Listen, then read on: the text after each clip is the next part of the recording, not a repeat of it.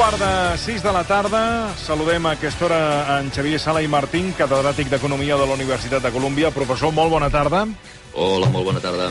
Anem amb, el, en fi, amb, amb una de les qüestions que darrerament hi ha dedicat eh, més temps a les xarxes, en Xavier Sala i Martín, que és el món de la criptomoneda, perquè en les últimes hores s'ha ensorrat una altra plataforma de criptomonedes. Es tracta de BlockFi, que eh, tenia gairebé mig milió de clients. S'ha declarat en fallida i ja ha deixat clar que no podrà retornar els diners que deu als seus creditors. Un deute que, segons alguns càlculs, podria ser de fins a 10.000 milions d'euros, que es diu aviat. Eh, valorada en uns 4.800 milions de dòlars, BlockFi és una de les eh, firmes que s'ha vist arrossegada pel col·lapse del gegant FTX. Eh, podríem dir, eh, professor, que és, és una víctima més del sector, segueix...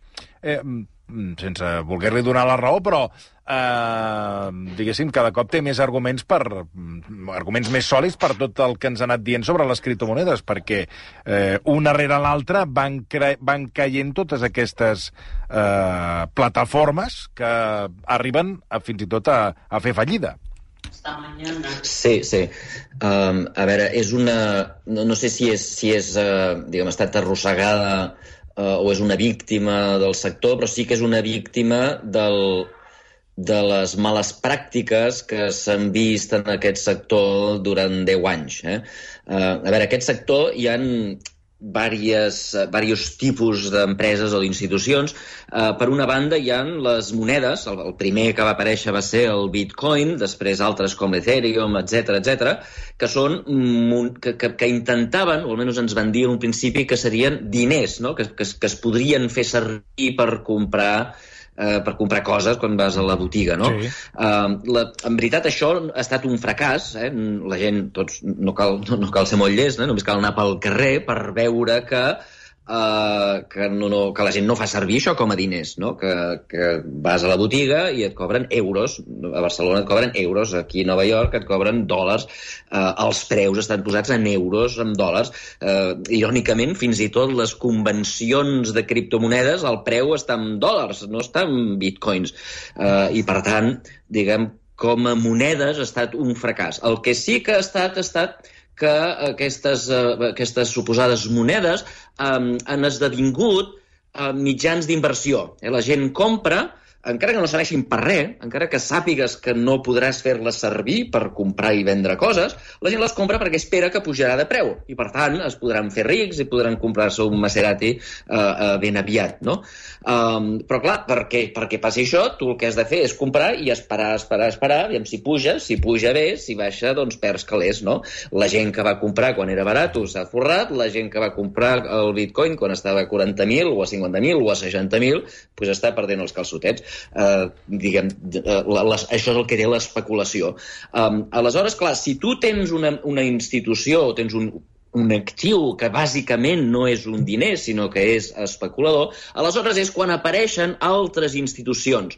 Uh, per exemple, apareixen uh, gent el que es dedica a comprar i vendre, eh? apareixen els mercats eh, els mercats de criptomonedes. Eh, un d'aquests mercats era el que vam parlar la darrera vegada que vaig venir, el FTX, el que va col·lapsar, aquell que, que, que portava aquell, eh, aquell, aquell noi dels cabells arrissats que es diu Bagman Fry, eh, doncs tot això, eh, diguem, són mercats, n'hi ha diversos mercats, algun d'aquests ha col·lapsat com FTX. A banda d'això, també apareixen altres institucions que diuen, a veure, en lloc de tenir els calés, si tu tens eh, allò eh, 50.000 dòlars atrapats en un bitcoin, per què no els rendibilitzes? Eh? Dóna'm-els a mi i jo et donaré un mm, tipus d'interès del 7-8%, un tipus d'interès molt superior al que paga el Banc Sabadell o la Caixa per dipositar euros, i això fa que diguem, molta gent digui, mira, eh, això és un bon negoci, eh? comprarem criptomonedes, eh, les, eh, les farem, donaran un rendiment del 7-8% mentre no les venem, i després les vendrem quan siguin molt cares, i, i aquestes plataformes s'anomenen eh, plataformes, plataformes financeres. I el BlockFi, del qual estem parlant avui, és un exemple d'aquest segon tipus. Eh? Per tant, hi han les monedes, hi han els que compren i venen monedes, eh? els mercats de monedes, les borses de monedes, com l'ETFTX, FTX, i hi ha les empreses financeres, que serien els bancs en criptomonedes, que donen prestat, que presten, que, que, que reben préstecs, etc, que es dediquen a fer de bancs, eh, i l'exemple d'aquest tercer tipus és el qual és un dels, una de les empreses que ha fet fallida i les quals estem parlant avui. Eh? Eh, per tant, qui fa fallida no és la criptomoneda, qui fa fallida avui no és el, el, el, un, un, la borsa on es compren i venen criptomonedes, qui fa fallida avui és una empresa eh, diguem que es dedicava a les finances, eh, a la compra, a la venda d'aquests, eh, perdona, els préstecs eh, d'aquest tipus de monedes. El que passa és que, eh, diguem, el resultat, com que aquest sector no està regulat, que eh, unes empreses i les altres empreses tenen unes relacions incestuoses. Uns es donaven uns préstecs, eh, uns donaven préstecs als altres, un compraven un tros de l'empresa d'aquí, compraven... no ho deien a ningú, ningú sap ben bé qui és propietari de què, eh, mentien, eh, eh, deien que els calés estaven allà guardats, quan en realitat els agafaven i els havien prestat o els havien utilitzat per especular i comprar altres coses. I, és clar, quan tens aquest tipus de relacions incestuoses, secretes, ocultes, ocultes, no transparents, perquè no tenen, com que no està regulat, no han d'explicar ben bé què, què fan, doncs aleshores el que passa és que, clar, quan fa mm. fallida un, eh, com la, fa dues setmanes va fer fallida el, el, el, el, el mercat FTX, Aleshores, al cap de dues setmanes, veiem que, clar, que aquest bloc fi doncs, havia, tenia uns actius que els havia comprat a l'FTX i que ells valoraven a, a, a 5.000 5 milions i ara resulta que valen zero. Eh, I, clar, això és com un domino, no? Van caient totes les peces i fins i tot avui dia, avui mateix, hi ha hagut una querella que el bloc fi ha, fet, ha posat sobre FTX sobre alguns dels actius que ells diuen que els hi deuen FTX i que té FTX i que no els hi dona perquè els han robat, els han amagat, i reclamen que el FTX els hi retorni aquests calés i que si, si els retorna aquests calés, doncs en realitat no hauran fet fallida. És a dir, un cacao que ningú sap ben bé què passa perquè, com, com he dit, eh, és un sector molt poc transparent, eh, que com que no està regulat, doncs no ha de donar explicacions a ningú fins que fan fallida i aleshores els creditors diuen on són els meus diners i resulta que s'han esfumat. Um, deixi'm preguntar-li per altres qüestions, que avui volem abordar també. Volem parlar de la inflació, de Christine Lagarde, del preu del petroli, però abans anem amb la inflació, perquè la presidenta del Banc Central Europeu, Christine Lagarde, assegura que la inflació no ha tocat sostre i adverteix que continuarà pujant els tipus d'interès. Lagarde diu que mantindrà l'augment dels tipus fins als nivells necessaris per garantir que la inflació torni a l'objectiu que s'ha fixat del 2% a mig termini. Eh, clar, la, la primera pregunta és fins, fins on haurien d'arribar els tipus d'interès per fixar eh, l'objectiu de la inflació en un 2%? Aquesta és una primera pregunta que li trasllado. I la segona, bueno, si volen respondre aquesta, després de pregunto sobre la inflació a Espanya, que el govern espanyol diu que la inflació s'ha situat en el 6,8, és a dir, que el juliol va estar a l'11, és a dir, que ha tingut un, un, uh, un decreixement, tot i que les butxaques de les famílies no notem per enlloc aquest decreixement. Eh, comenci per on vulgui. A veure, comencem uh, pel problema, eh, per, per la Lagarde, el, el, i si l'únic camí per solucionar el tema de la inflació són les pujades de tipus d'interès. Vale? Uh, a veure, uh, ja hem explicat moltes vegades en aquest programa, perquè ja portem un, gairebé un any amb el problema de la inflació, que per la inflació, eh, recordeu què és, és que eh, pugen els preus, no?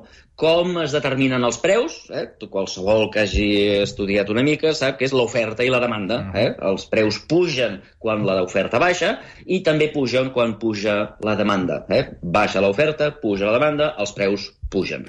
Um, aleshores, el, el, en els darrers anys hem viscut una mena de tormenta perfecta perquè tot el que podia anar malament ha anat malament. Eh? Uh, per exemple, va caure l'oferta d'una manera brutal uh, per culpa del Covid. Eh? Recordeu els vaixells que estaven atrapats al port sí, de Xangai, com que, el, com que el, el Xangai produeix moltes coses, quan confinava Xangai, doncs els productes no sortien de la Xina, com que no sortien de la Xina no arribaven a Barcelona i llavors la, la, la gent que volia comprar bicicletes estàtiques o, o, o, o iPads per, per sobreviure a la pandèmia, doncs no n'hi havia. Eh? Recordeu que hi havia un moment que no hi havia, que els preus dels containers eren eh, catastròfics, eren estratosfèrics, és a dir, es va distorsionar, es va disrupcionar la cadena de producció global per culpa del Covid. Això fa baixar l'oferta i, per tant, fa pujar els preus. Una altra cosa que ha passat, eh, sobretot en el tema de l'oferta energètica, ha estat la guerra d'Ucraïna i el, el boicot que hem fet sobre Rússia, que, que és un gran productor d'energia. Clar, si hi ha menys gas que ve de Rússia, puja el preu del gas, hi ha menys petroli que ve de Rússia, puja el preu del petroli, um, uh, i per tant hi ha hagut problemes greus en l'oferta. Però és que també hi ha hagut problemes greus de demanda, és a dir, um, ha, ha augmentat moltíssim la demanda. Primera, hi ha hagut una gran, un gran augment dels, de, la, de les despeses del sector públic, també per culpa del Covid. Eh? Uh, el govern va fer bé, Eh? Va fer absolutament el que havia de fer amb gastar enormes quantitats de diners en vacunes, en hospitals, en tests, en mascaretes. Um, els països que ho van fer van fer bé d'ajudar les empreses que obligaven a tancar Eh? A Espanya no va passar, però, però als països civilitzats sí que va passar que quan obligaven a tancar un restaurant, doncs se li donava diners al, al propietari del restaurant, perquè tu no pots obligar la gent a, a, a deixar de guanyar-se la vida.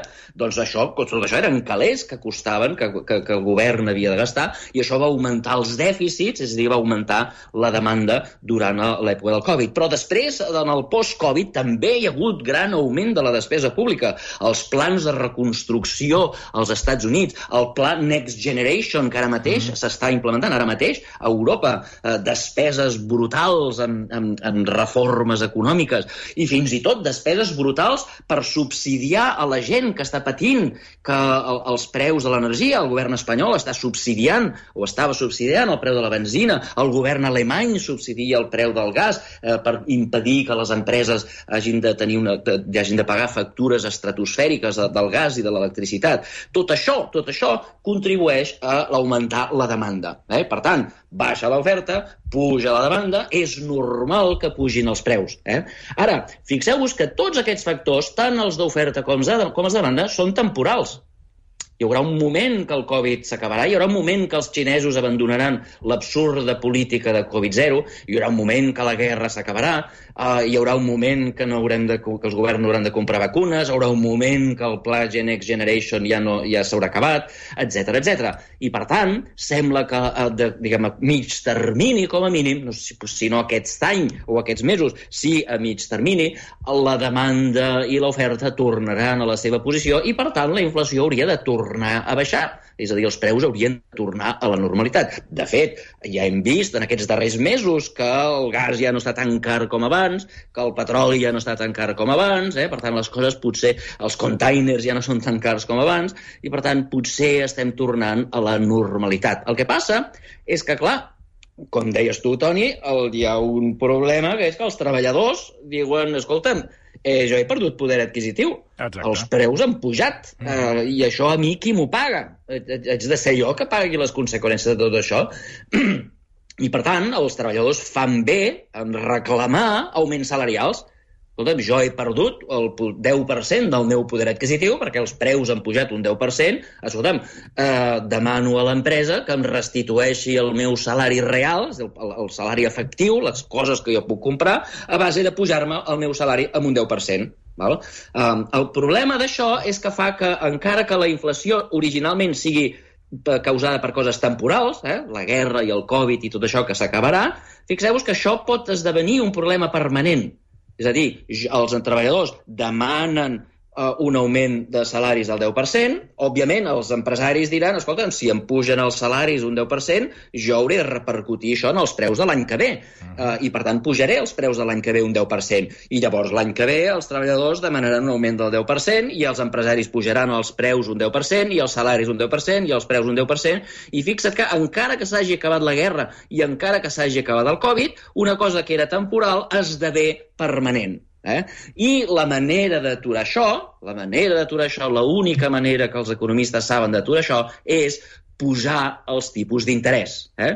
I és per això que tant als Estats Units la Reserva Federal ha pujat en, del, en el darrer any els tipus d'interès d'una manera extraordinària, a Europa també, i la pregunta és si ja els hem pujat prou. Mm -hmm. És a dir, ja hem arribat a tope, ja, arribat al màxim o, diguem, hem de seguir? I aquí és on els economistes no es posen d'acord. Eh?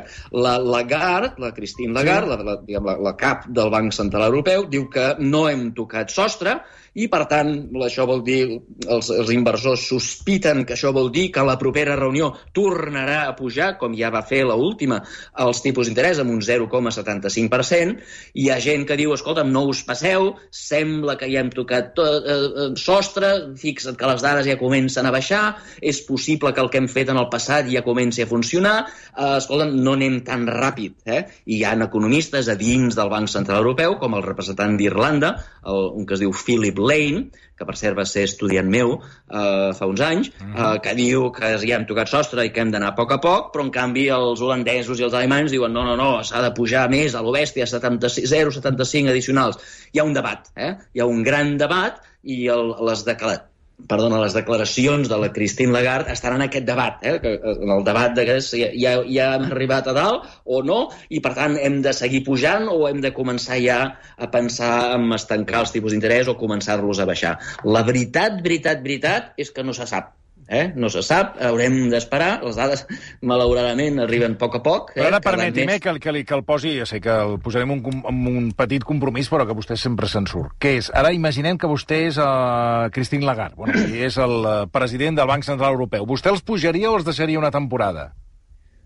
Eh, jo crec que, a, veure, als Estats Units hem arribat, crec jo, eh, eh, ara igual, igual eh, d'aquí unes setmanes em, bueno, però, les dades però, em contradiran, no? no? Però, Perquè... però a veure, vostè sempre ha dit que vostè no té una bola de vidre. Exacte. Per tant, ara ja repeteixo, i això sempre ha quedat clar, que vostè no fa pronòstics, però ja ara, li, si, posant-nos allà en la situació de que, clar, al final és el que diu vostè, s'ha de prendre una decisió si l'increment és un 0,75 més o no, eh, clar, és una decisió, el pujo o no els pujo? I ara, a veure, que és, és un pur parler de dir, escolta, vostè si fos, estigués en la, en la pell de, de, de Christine Lagarde, què faria? Els pujaria o s'esperaria, doncs no sé, un mes més o dos mesos? No sé, com, com, què, què, què creu que...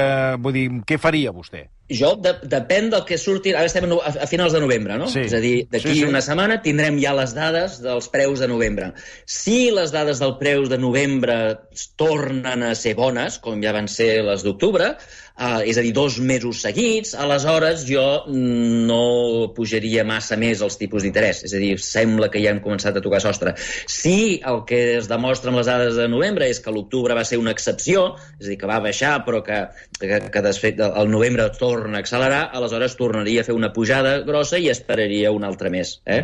Uh, però bàsicament... Perquè, diguem... perdoni, eh, passar-se de pujada de tipus d'interès, què, què suposa? O sigui, ara suposem que el Banc Central Europeu, en, en lloc de 0,75, puja un punt o un punt i mig. Clar, el gran problema de pujar els tipus d'interès si és que crees una crisi. Ah, el, el problema és que faràs una recessió. És a dir, fixa't què passa. Pugen els tipus d'interès, no? Sí. Pugen els tipus d'interès, la gent que compra eh, crèdit deixa de comprar. Eh? Principalment el que comprem amb crèdit són eh, les cases, eh? Mm. el sector immobiliari, també alguns béns duraders com els cotxes o les neveres, no? eh, però bàsicament les cases. Eh, si els tipus d'interès pugen moltíssim, la gent deixa de comprar cases. Diran, escolta, no puc pagar una hipoteca, puc, podria pagar una hipoteca de 600 al mes, si eh, la hipoteca és de 1.000, no puc. Eh? Per tant, molta gent que hagués comprat una casa no la compra. Llavors, clar, la, la, les empreses de construcció no venen. Si no venen, han d'acomiadar els treballadors treballadors de la construcció. Els treballadors de la construcció que són acomiadats no van al restaurant i, per tant, el restaurant veu com els clients baixen mm-hmm. eh, i, per tant, hem d'acomiadar un parell de cuiners aquests cuiners que no cobren, doncs de sobte veuen com, com doncs no compren pantalons, l'empresa de pantalons, eh? i fixa't sí, sí, que sí, sí. en pujar els tipus d'interès doncs fas que tota l'economia, no només la construcció, sinó tot el que es deriva després, és a dir, es va escampant com una taca d'oli per tota l'economia i, eh, diguem, ara hi ha un aturat aquí, un altre aturat allà, ara una empresa que, que tanca perquè, perquè no pot tenir crèdit per comprar la màquina, mm, tots aquesta gent, tots els seus treballadors són aturats, i per tant comença a haver-hi una crisi econòmica Eh? És a dir, el, el problema de pujar els tipus d'interès és que, a banda de, pujar, de, de, de reduir la demanda per, diguem aturar la inflació, eh, la conseqüència no desitjada és que crea una crisi.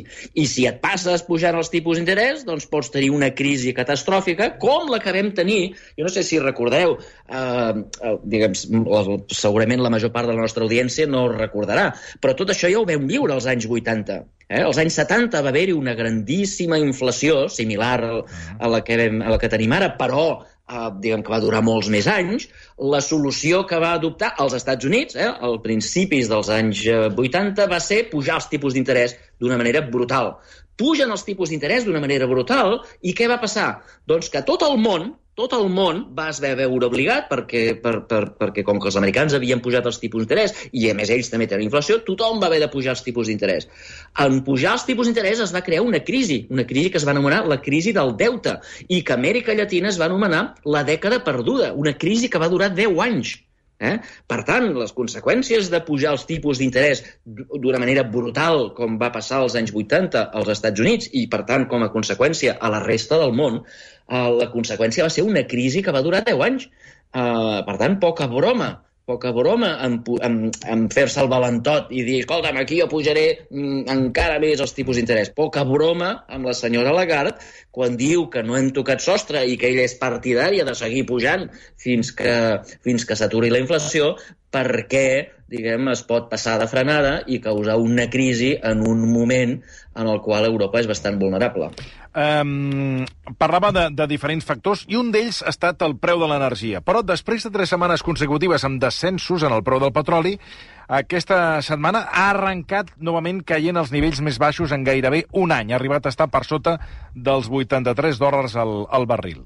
I jo li vull preguntar, eh, allò que deia, com que tot és fluctuant, quins són els principals factors d'aquesta caiguda? És a dir, què, què hi té a veure aquesta caiguda? I això suposo que també reporta una... Un, això significa o ve a dir que hi ha un refredament de l'economia.